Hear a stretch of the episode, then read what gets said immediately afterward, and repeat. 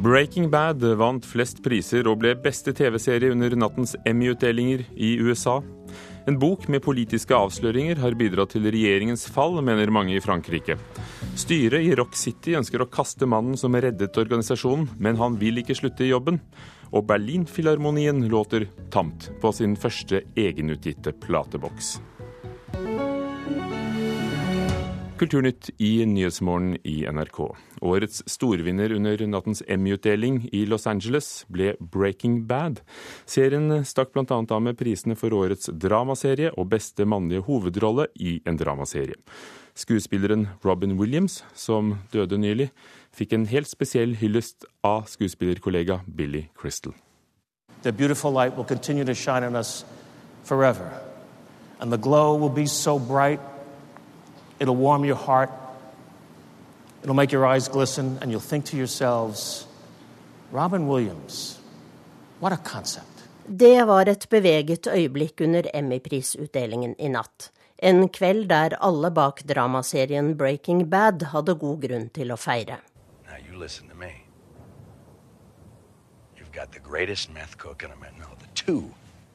greatest meth cooks in America right here. And with our skills, You'll earn more from that 35% than you ever would on your own. I fem sesonger har vi fulgt kjemilæreren Walter White og hans utvikling fra kreftsyk familiefar til narkobaron.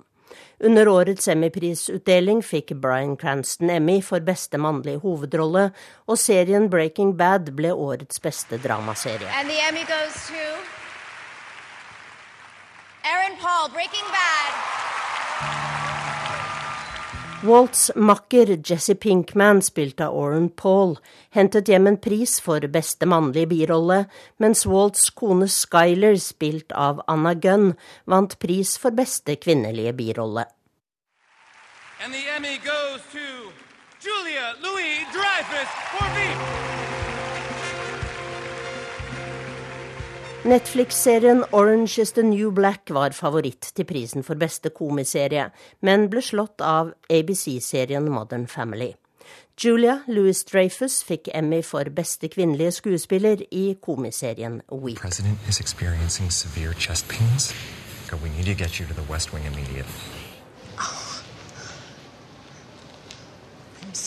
sorry. Okay, I would love to thank HBO because honestly, I've worked in a lot of places in this town, and it's absolutely my favorite place I've ever worked. Og Jim Parsons var beste mannlige skuespiller som Dr. Sheldon Cooper i komiserien The Big Bang Theory.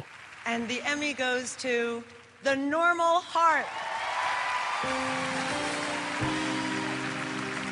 Filmen som handler om hiv- og aids-epidemien, vant Emmy for beste TV-film. Netflix, som på forhånd var spådd prisras, måtte gå tomhendt hjem til tross for hele elleve nominasjoner. Sa reporter Tone Staude. Rune Håkonsen, kritiker i Filmpolitiet, NRK P3 og på nrk.no. Du har fulgt utdelingene fra Nokia Theatre i Los Angeles i natt. Breaking Bad fikk altså flest priser og ble beste TV-serie. Var det som fortjent? Det var i hvert fall som ventet. Det var et prisras til serien, eh, som da også kanskje er et tegn på at eh, TV-bransjen i USA ville hedre serien, som nå da ble avslutta etter fem sesonger eh, i fjor høst. Jeg var litt overraska over at Bryan Cranston tok prisen for beste mannlige skuespiller i en dramaserie foran Matthew McConaughey, som da var nominert for sin rolle i True Detective, eh, men eh, det ble Breaking Bad sin store kveld, dette. Den er avsluttet med sin femte sesong, som du sa. I Norge har den gått på eh, betal-TV-kanalen Max. Hva har gjort den til en god serie? Det er utviklingen og den ganske overraskende mørke uh, retningen serien har tatt i løpet av episodene, kombinert med, med, med særs god uh, manusskriving og ikke minst skuespillerne, som har gjort den til en kultserie. Og den har kanskje nådd bredere enn det mange ville tro i utgangspunktet. Så at den også da til slutt fikk mest oppmerksomhet uh, under Emmy-utdelinga nå, er kanskje ikke en så stor overraskelse likevel. Om en kjemilærer som blir narkobaron altså til slutt. Eh, Agnes Moxnes, eh, kritiker og kommentator her i eh, NRK. Hvorfor interesserer vi oss for amerikansk fjernsyns priser? Ja, det, kan, det, har vi jo egentlig ikke gjort. Det er jo 66. gang denne prisen deles ut nå, altså en Emmy-pris. Før har vi sittet klistra til Oscar-utdelingen. Nå begynner vi å interessere oss i mye større grad for Emmy. Og det sier jo noe om hvordan TV-utviklingen har vært. Eh, før var amerikansk TV noe som gikk på amerikansk TV. Nå ser vi amerikansk TV over hele verden, og veldig, veldig mange mennesker forholder seg til Breaking Bad og har gjort det i alle årene den har gått. For Breaking Bad, Game of Thrones, uh, Mad Men, True Detective er serier som ikke bare ofte går på norske kanaler, enten NRK, TV 2, Max, TV Norge, men stort sett sees også andre steder.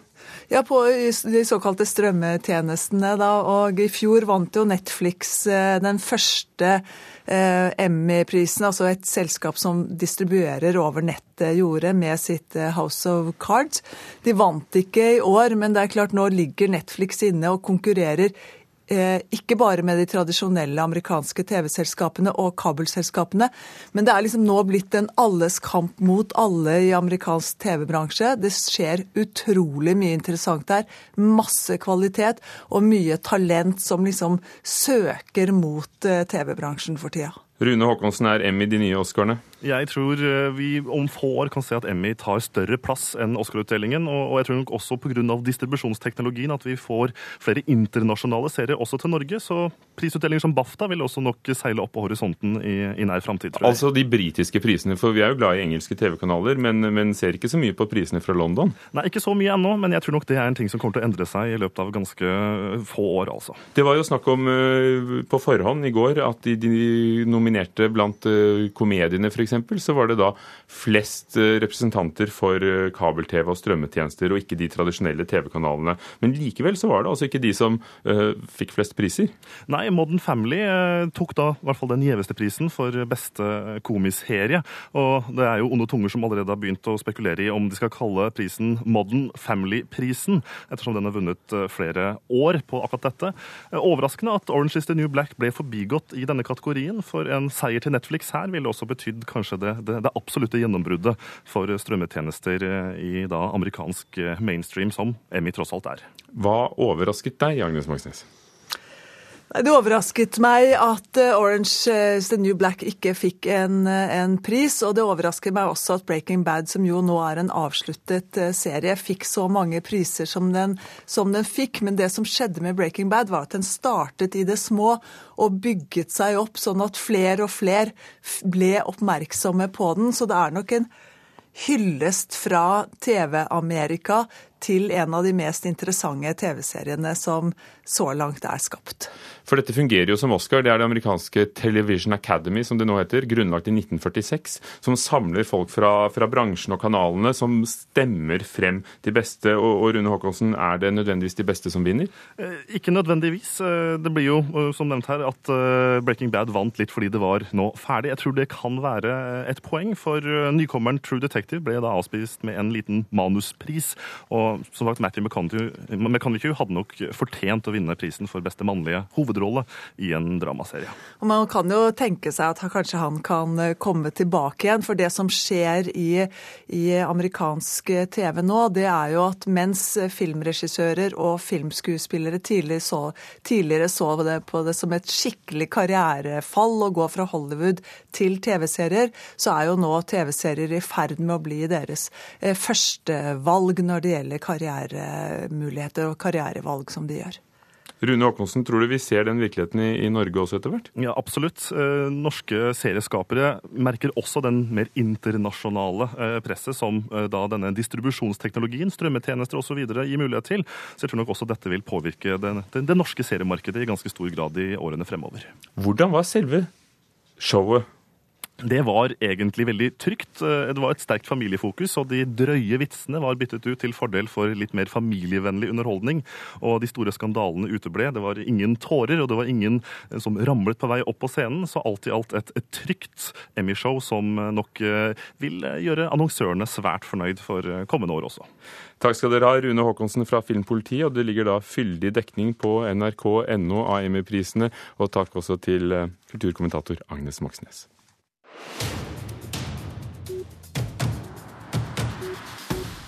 I dag går høringsfristen for ny NRK-plakat ut. Plakaten skal definere NRKs samfunnsoppdrag, og høringen er et ledd i regjeringens arbeid med en ny politikk for lisensfinansiert kringkasting. Mens konkurrentene i sine høringssvar er opptatt av å begrense NRKs handlingsrom, mener Norsk redaktørforening at det er viktig at NRK sikres muligheten til å gå både bredt og dypt, skriver Dagens Næringsliv. Kirkelig kulturverksted bygger lydstudio i Ramallah på Vestbredden. Engasjementet er politisk og kunstnerisk motivert, sier daglig leder Erik Hillestad til Vårt Land. Målet er å hjelpe til med etableringen av en bærekraftig musikkbransje i Palestina, sier han. I tillegg til å etablere lydstudio, arbeider de også med å bygge ut et bedre distribu distribusjonsnett i Midtøsten.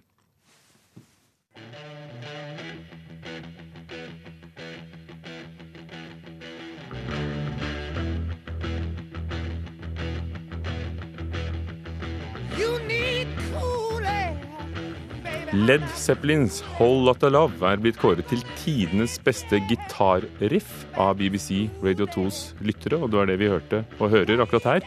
På de neste plassene kom 'Sweet Child of Mine' med Guns N' Roses og 'Back in Black' med ACDC og 'Smoke On The Water' med Deep Purple. Led Zeppelin-gitarist Jimmy Page sier til BBC at han er overveldet over å vinne kåringen. Og det skal fortsette med rock, men rock og politikk. For styret i Rock City i Namsos ønsker å kaste mannen som reddet organisasjonen. Daglig leder Åsmund Prytz har på to år snudd underskudd til overskudd og halvert arbeidsstokken. Prytz ønsker ikke å slutte jobben, og fagforeningen mener han bør få beholde stillingen. Vi mener eh, at Prytz må få fortsette jobben som daglig leder. Kan du si noe om hvorfor dere mener det?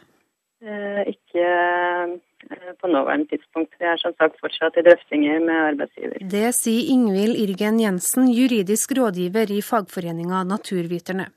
Nok en gang er det bråk igjen i Rock City. Og denne gangen handler det om at styret i selskapet ønsker å kvitte seg med mannen som redda organisasjonen, nemlig daglig leder Åsmund Prytz. Prytz har på to år halvert arbeidsstokken ved det norske ressurssenteret for pop og rock, og gjort organisasjonen levedyktig igjen med positive regnskapstall. Men nå vil altså styret sparke Prutz, en beskjed han skal ha fått før sommeren.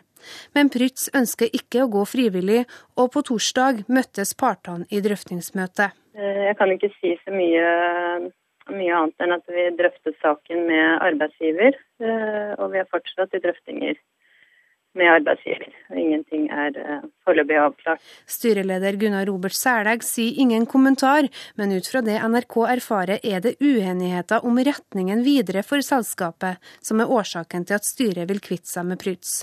Styret i Rock City skal ha møte onsdag 3.9. Der kan Prytz bli kasta mot sin vilje.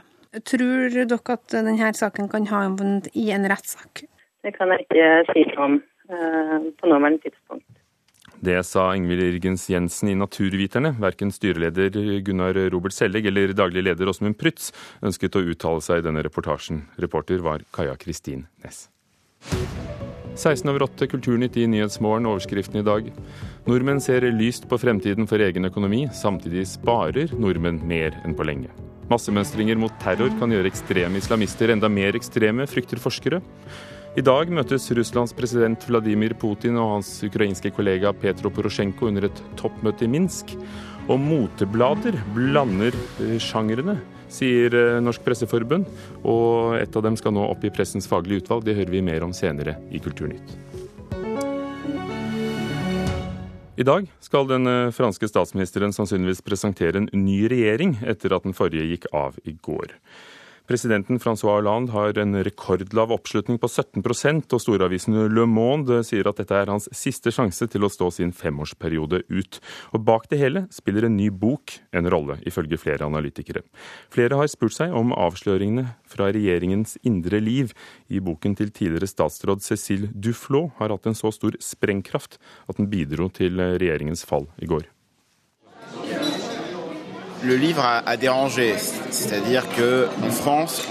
Boken innebär en enorm sprängkraft.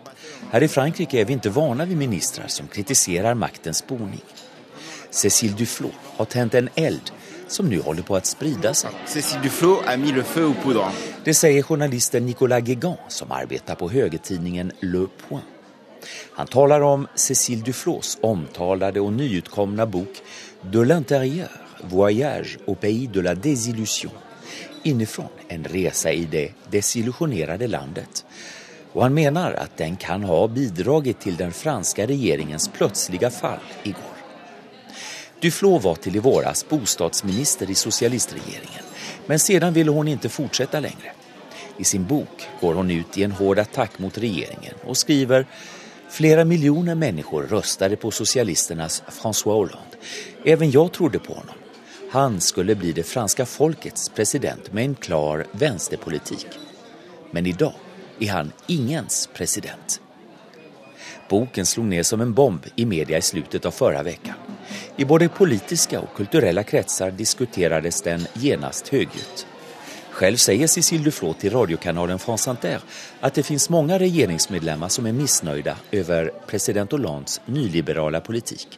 Men få har modet å ryte til meg. C'est mon grand désaccord avec le président de la République et, et avec la politique menée par le gouvernement. Donc moi j'ai fait un exercice de vérité et de sincérité dans ce livre de manière euh, Flera kritiker mener at boken har gitt kraft åt eksempelvis et stort antall utbrytere innom Socialistpartiet.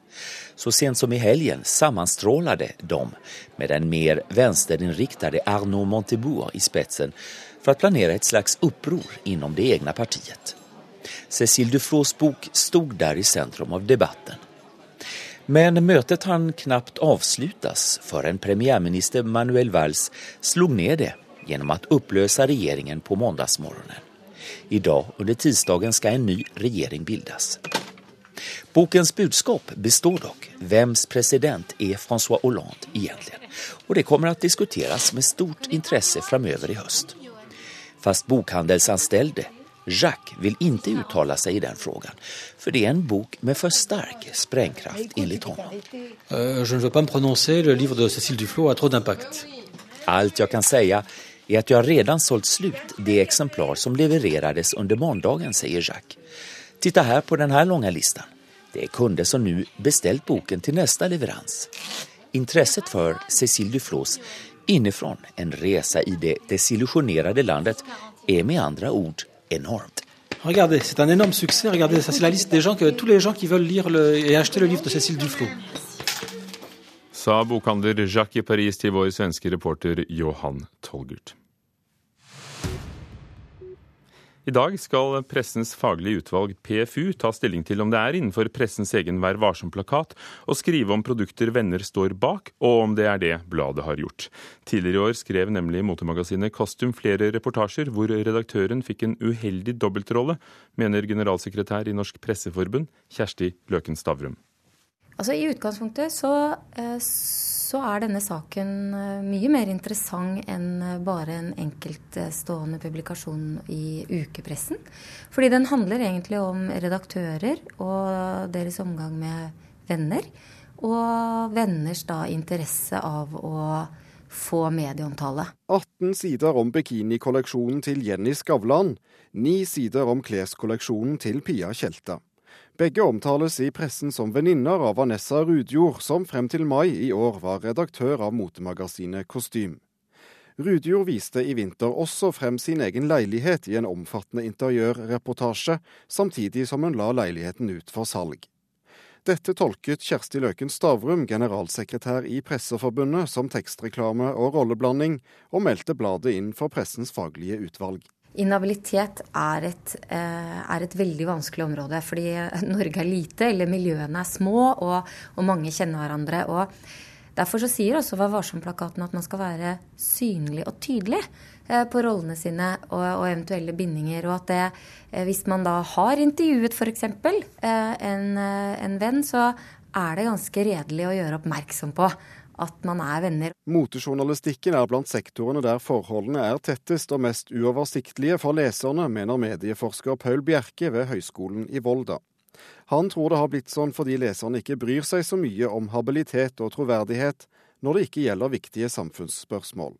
Men han frykter hva utviklingen kan bety på sikt dersom det får lov å fortsette. Når eh, inhabilitet og denne typen koblinger eh, hvis de blir akseptert sånn i underholdningsjournalistikken og liksom i den vesentlige journalistikkens ytterkanter, så kan det spise seg inn og svekke eh, tilliten til eh, all journalistikk. Derfor så er det viktig at dette diskuteres og tas opp. Moteviter og blogger Hanna Maria van Seip håper kostym blir felt i PFU i dag avgjørelsen må få eh, konsekvenser for eh, tette bånd i Mote-Norge. Eh, og konsekvenser for hvordan vi tenker om motejournalistikk. For i Norge er det nesten utelukkende estetikken som får oppmerksomhet i motebladene.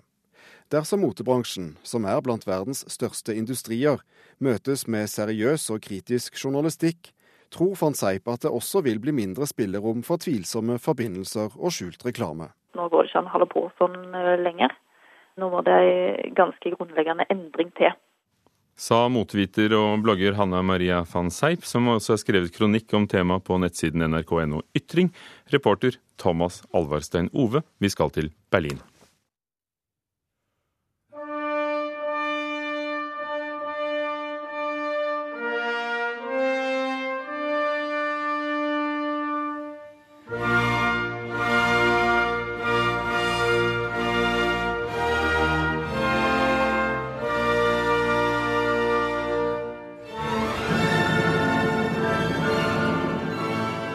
For mange er dette, Berlin-filharmonikerne, verdens beste symfoniorkester, ledet av sjefdirigenten Simon Rattle, han med krøllene.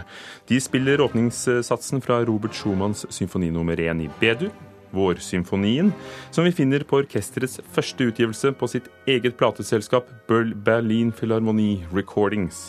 Og kritiker Øystein Sandvik, hvilket inntrykk har denne ganske luksuriøse plateboksen gjort på deg?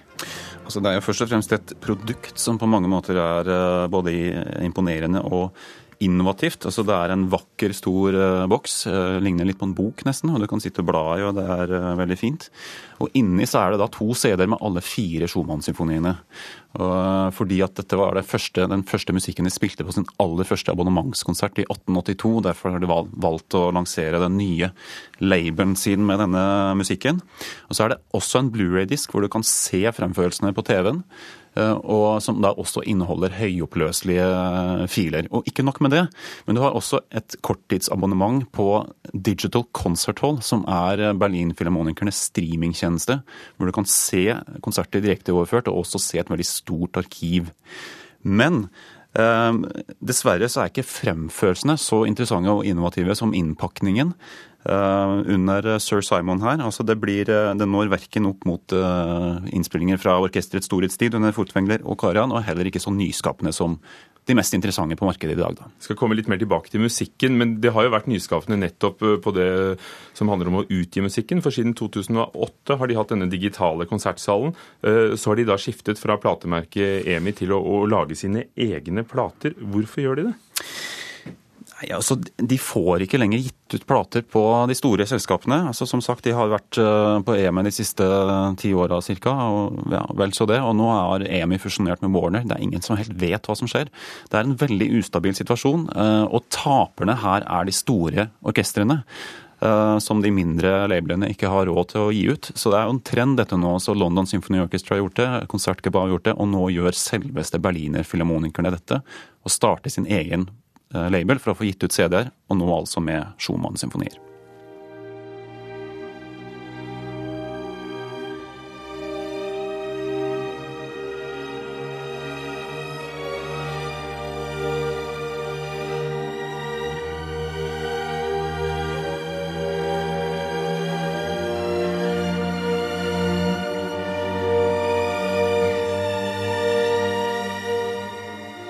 Den ro rolige satsen fra Schumanns andre symfoni med Berlinfilharmonien på det nylanserte plateselskapet. Hva syns du, Øystein?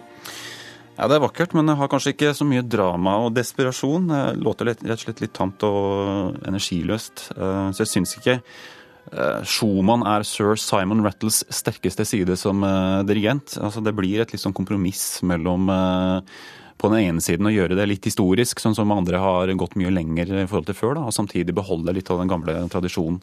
Så litt sånn dvast og lunkent låter det, dessverre. Hva har Simon Rattles visjon vært for orkesteret? Han har hatt en veldig visjon, viktig visjon for orkesteret, som orkesteret også har satt stor pris på. Han har åpna orkesteret opp, han har utvida repertoarfeltene, han har sørga for mye bedre kommunikasjon, konserter for barn og unge. Det er veldig mange sånne ting han har gjort for å liksom modernisere orkesterets image. Eh, men eh, nå går jo hans kontrakt ut neste år, så det neste viktige store veivalget for orkesteret blir jo å velge en ny dirigent. Og hvor går den veien, tror du? Ja, det er ikke godt å si. Det er jo litt sånn rykter som svirrer, og det er også sterke krefter som vil ha en tysk dirigent igjen. Altså Christian Thielmann er eh, nevnt som et aktuelt navn. Men, men, det som er sikkert, er at de kanskje trenger en sjefdirigent som har en litt tydeligere kunstnerisk profil, og som Eh, som setter en standard, som de gjorde under storhetstiden under Karajan. Som setter en standard ikke bare teknisk, for at de er jo verdens beste orkester. Ikke bare på en god dag, men på de fleste dager. Men også rent kunstnerisk. Hva skal vi lytte etter når vi nå skal høre litt fra tredje symfonien, femte sats? Ja, Dette er en litt lett og spretten sats. Da. Så her kommer kanskje Simon, Sir Simon Rattle, som vi egentlig skal si her eh, frem uh, bedre til, sin rett, kanskje. Litt mer lekent og lett og sprettent.